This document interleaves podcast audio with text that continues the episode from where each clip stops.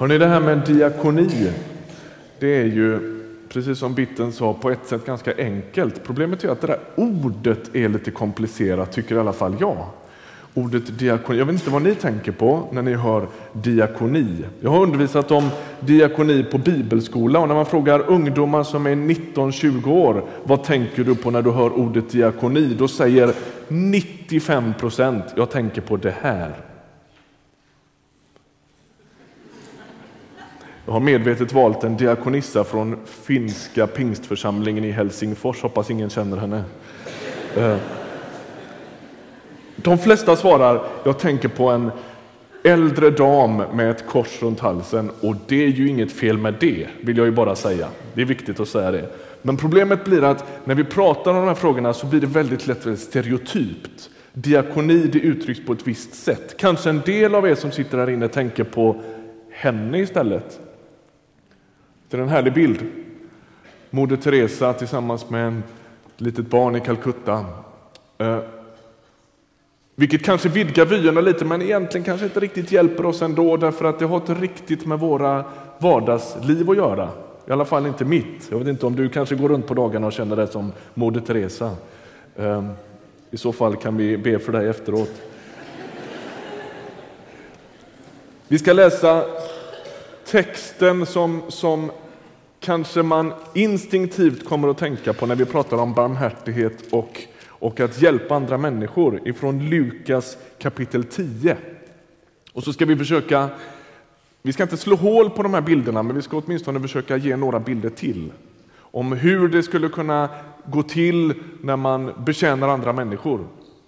I Lukas 10 och 25 så har vi en sån här riktig klassisk söndagsskoleberättelse som många människor liksom på något sätt har relation till.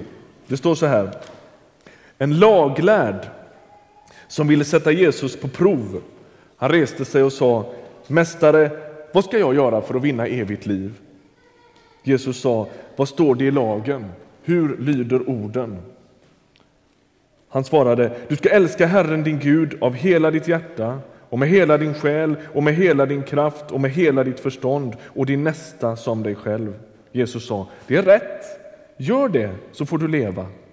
För att visa att han var rättfärdig sa mannen till Jesus, och vem är min nästa? På den frågan svarade Jesus, en man var på väg från Jerusalem ner till Jeriko och blev överfallen av rövare. De slet av honom kläderna och misshandlade honom och sen försvann de och lät honom ligga där halvdöd. En präst råkade komma samma väg och när han såg mannen vek han åt sidan och gick förbi. På samma sätt med en levit som kom till platsen. När han såg honom vek han åt sidan och gick förbi. Men en samarier som var på resa kom och fick se honom ligga där och han fylldes av medlidande. Han gick fram och hällde olja och vin på såren och förband dem. Sedan lyfte han upp honom på sin åsna, förde honom till ett värdshus och skötte om honom. Nästa dag tog han fram två denarer och gav åt värden och sa Sköt om honom, och kostar det mer ska jag betala dig på återvägen. Vilken av dessa tre tycker du var den överfallne mannens nästa? Han svarade, den som visade honom barmhärtighet. Då sa Jesus, gå du och gör som han. Vi ska fundera lite över den här texten, vilket inte är så enkelt därför att de flesta av oss som är hyfsat vana kyrkobesökare och bibelläsare, vi har ju hört den här massvis med gånger. Och en del får till och med en massa sådana här flanellografbilder för ögonen när man läser den här, den här texten. För dig som undrar vad det är, så förr i tiden på söndagsskolan så använde man något som kallas för en flanellograf. Mm. Vi ska försöka reda ut det här. Vad är det för, för figurer som rör sig i den här texten? Vi har en präst och en levit, vilka hör till eh, en sorts religiösa, um, lite proffsreligiösa på ett sätt. Leviten han är lovsångsledare i templet. Hur tänker de här två människorna när de går förbi den slagne mannen? Ehm, det är som om de inte inser att möjligheten att behaga Gud, den finns mitt framför ögonen. De liksom missar hela det tillfället att göra tjänst. Och så hetsar de vidare till, till gudstjänstlokalen där de tror att det gills på ett annat sätt. Och hur tänker de här människorna när de går förbi? Det skulle kunna vara så att de inte tänker alls. De är helt enkelt inte öppna för att se det här. De är så pass avtrubbade så att de tar inte ens in det som händer. Eh, tanken att de skulle kunna göra nytta där mitt på vägkanten, den, den kanske inte ens slår dem. Så skulle det kunna vara. Det skulle också kunna vara så att de faktiskt har utvecklat en ganska föraktfull attityd mot män och kvinnor som ligger i den där gatstenen eller i den där dikeskanten. Ingen rök eld. Ligger de där så har de säkert förtjänat det. Så skulle det kunna vara. Det skulle också kunna vara så att det faktiskt är deras fromhet som står i vägen. De är på väg till templet för att göra tjänst. Och om det är så att de skulle sträcka sig ut till en människa som ligger nedsmutsad i dikeskanten så skulle det utifrån deras uppfattning om hur Gud tänker och fungerar kunna bli så att de faktiskt smutsar ner sig och diskvalificerar sig för tjänst. Alltså, det är som om deras fromhetsbegrepp och ideal kastar alltihopa över ända. Och istället för att bli tjänare utifrån sin fromhet så blir man lite kall och cynisk. Det skulle kunna vara så att religiositet ibland faktiskt, alltså den gör mig inte nödvändigtvis öppen för andra människor. Det finns ju gott om exempel på att den gör det motsatta. Och låt mig säga så här, den fromhet som krymper hjärtat, den är inte frisk. Det är ganska viktigt och det är ganska enkel lite, lite måttstock. Den fromhet som krymper hjärtat, den är inte frisk. Och de här männen, de går förbi. Det skulle kunna vara så att min fromhet blåser på föraktet för andra människor. Och då är det något som inte stämmer.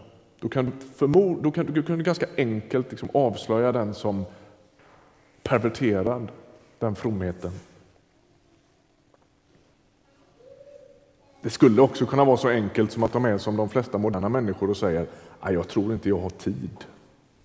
Jag har så mycket med annat. kanske inte är konstigare än så. De kanske inte har så mycket liksom, genomtänkta idéer för varför de inte stannar. De har helt enkelt inte tid. Och när den där tidigare varma tron hårdnar och blir till någon sorts liksom, åsikter om andra människor, främst de vars liv har gått sönder, då hävdar jag att då är den fromme väldigt illa ute. Och inte så from som han tror. Och så finns det en samarier i den här berättelsen. Han är ute på en resa, står det. Han är alltså ute i ett helt annat ärende. Han är på väg till Jeriko. Eh, och det, jag tror att det är väldigt medvetet. När jag läser den här berättelsen så slås jag av oansenligheten i den här berättelsen. Det är alldeles uppenbart att Jesus inte är från Hollywood. När man läser den här berättelsen. Om han hade varit det, då hade han berättat en berättelse om barmhärtighetens superhjälte. Då hade det blivit något sånt här. va? En människa som så uppfylld av oförlöst barmhärtighet och kärlek till medmänniskorna bara går runt och väntar på ett tillfälle att liksom få släppa ut den någonstans. Och så möter han en man vid vägkanten och han ställer in alla sina tidigare åtaganden. Han säger upp sig som affärsman och så blir han heltidsmissionär. Eller hur? Alltså den berättelsen är mycket mustigare, den är mycket fränare. Men jag tror att Jesus är väldigt medveten när han inte berättar en sån historia. Därför att det kopplas till så oerhört få av oss.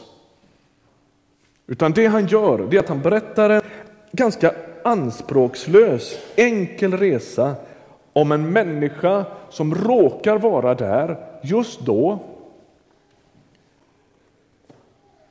och som låter sig avbrytas en liten stund. Märkvärdigare än så är det inte. Hjälten i den här berättelsen, poängen tror jag, pedagogiken från Jesus sida, det är hjälten i historien skulle kunna vara vem som helst här inne. Det är poängen. Alltså, han berättar inte om Moder Teresa, utan han berättar om en vanlig kille som låter sig avbrytas. Och det är väldigt trösterikt. Det finns väldigt lite av svulst och hjältemod och snyft. Det är liksom inga stråkar på slutet.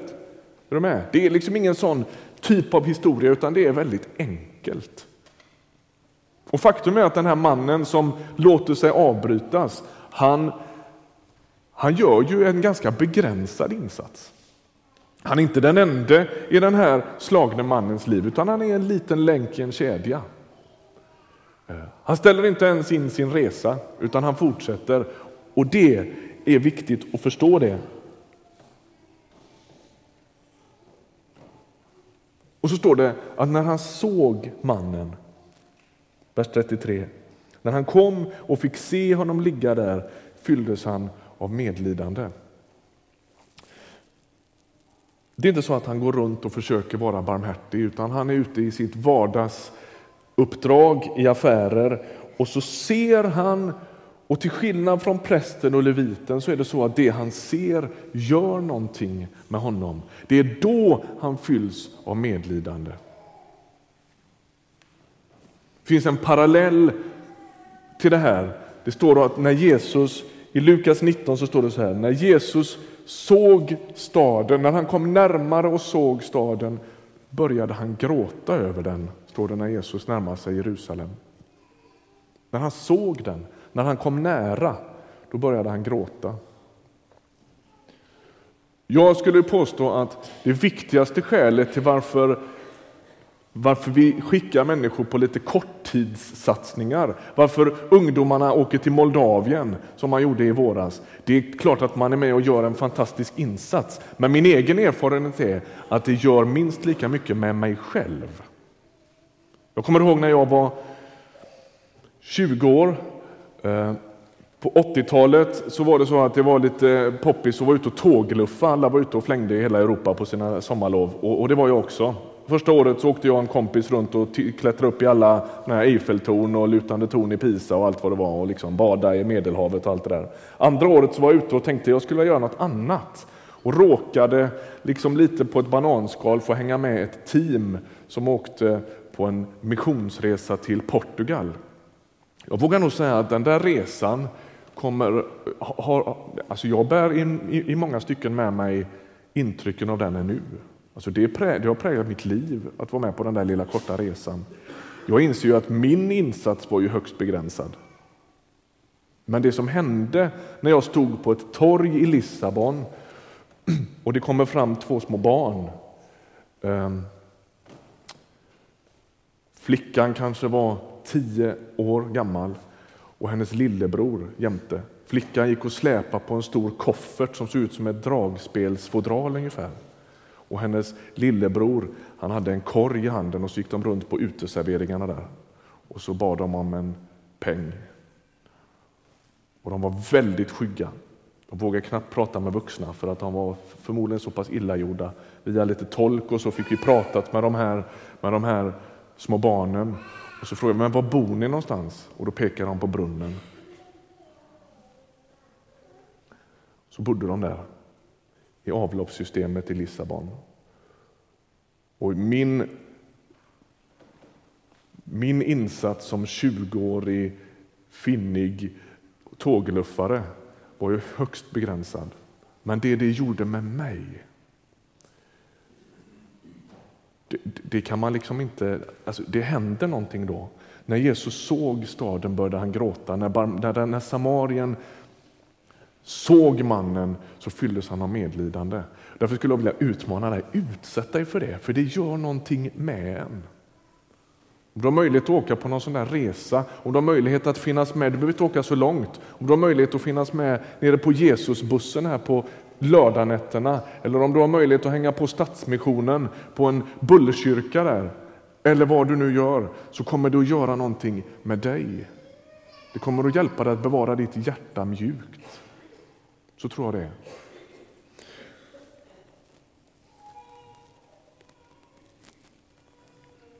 Och trots att det står att Jesus börjar gråta och trots att det står att mannen fylldes av medlidande när han såg mannen som låg i, i, i, i dikeskanten så skulle jag vilja hävda att barmhärtighet det är inte en känsla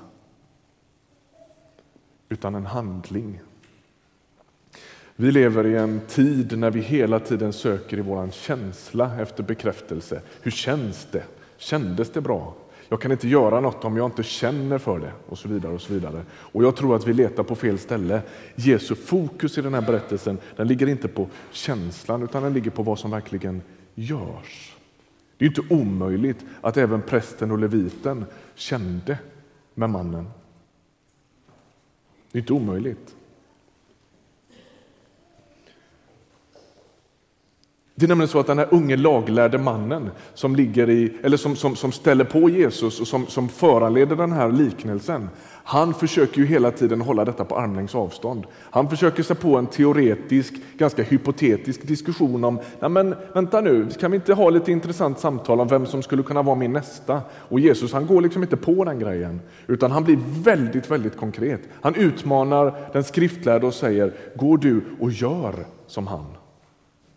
Sitt inte här och lägg pannan i djupa veck och pilla dig i naveln och grunna över liksom sådär va. Utan gör något. Och det avslöjar lite hur vi gärna gör också.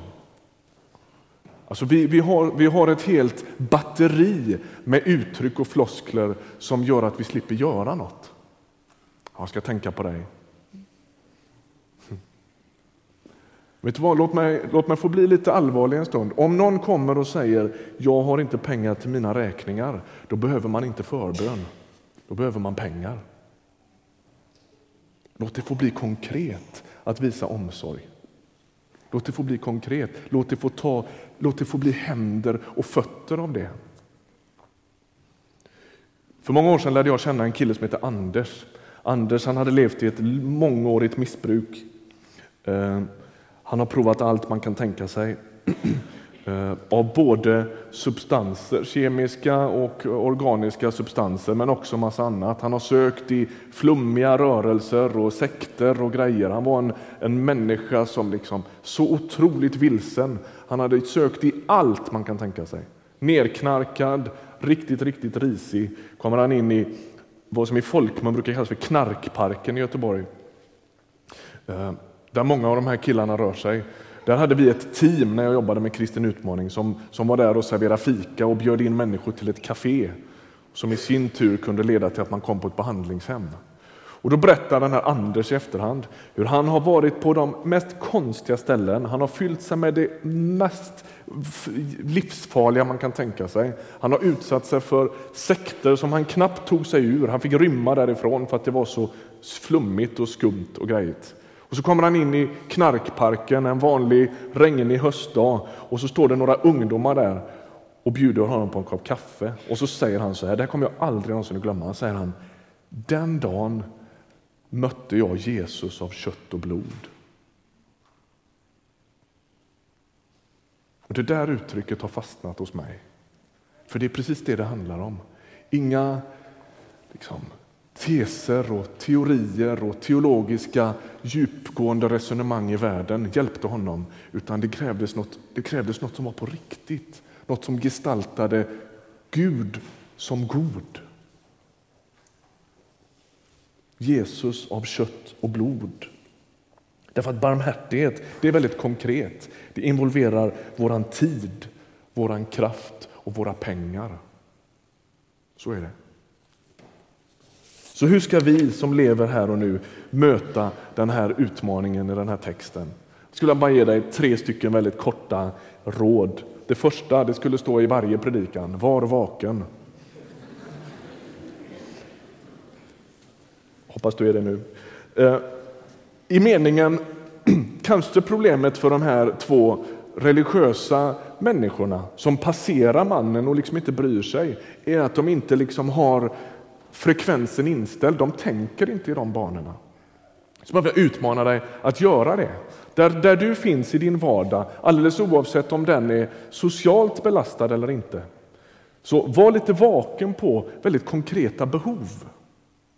När människor antyder saker, när människor säger saker, försök att fundera över hur ska jag kunna bli konkret och möta det. Kanske små hintar om att folk saknar saker, små hintar om att, om att, om att man inte får livet att gå ihop. Var, ha lite tentaklerna ute. Var, var, liksom, be Gud om, om, om hjälp att se det, att uppfatta det. Vilket leder oss till punkt två, var kreativ. Barmhärtighet det är mycket, mycket vidare begrepp än att handla bara om soppkök och gatans människor. Utan det skulle kunna uttryckas på massvis med olika sätt. Det kan vara att ge bort en hel kväll till en ensamstående mamma som aldrig kommer hemifrån. Vi passar dina galna ungar ikväll och du går på bio och en god, god middag med en väninna. Vi tar hand om alltihop och vi bjuder på alltihop. Det skulle kunna vara en djupt barmhärtig handling. Eller gå ärenden, skjutsa människor. Försök att fundera över vad är det som jag har av både kunnande och resurser som jag skulle kunna bidra med.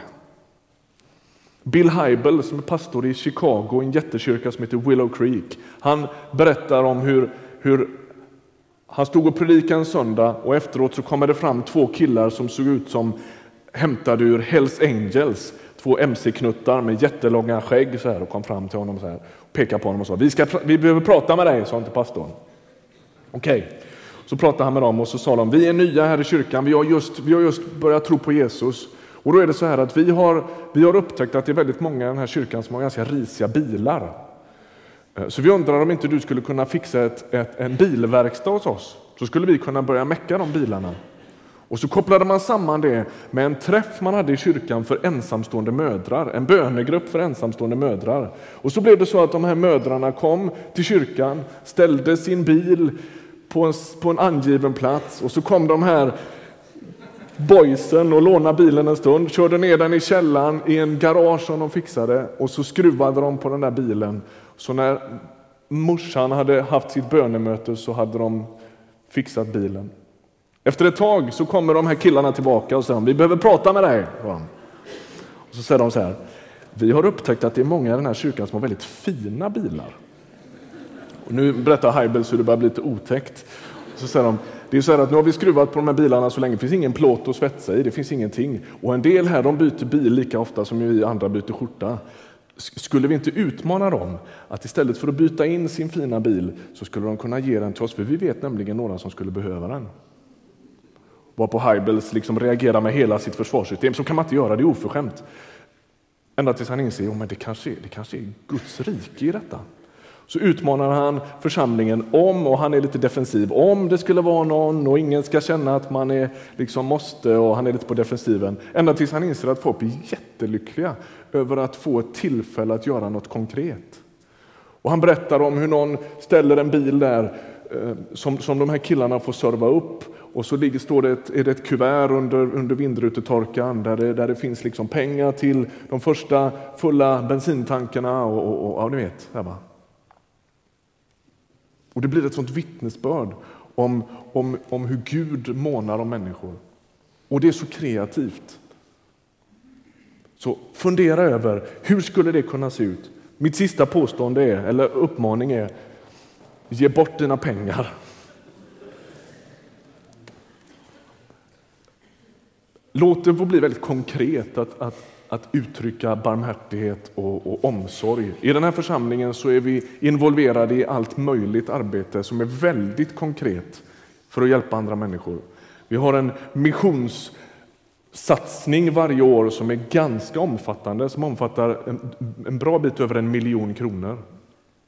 Om du är med och ger din gåva i det så är du faktiskt med och förvaltar precis det som vi läser om i den här texten. Var generös med dina grejer. Var generös med dina pengar. Jag kommer återkomma till det så småningom och prata mer om det, jag lovar. Men jag tror att det är viktigt. Det är viktigt därför att andra människor behöver det. Och det är viktigt därför att det gör något med oss. Någon har sagt att vara generös, det förintar girighetens demon i våra hjärtan. Jag tror att det är så. Så mitt enkla budskap idag det är hur omsätter man den här liknelsen i praktik? Jo, man blir väldigt konkret. Barmhärtighet är inte en känsla, utan det är en handling. Gå du och gör som han, slutar liknelsen, eller slutar texten.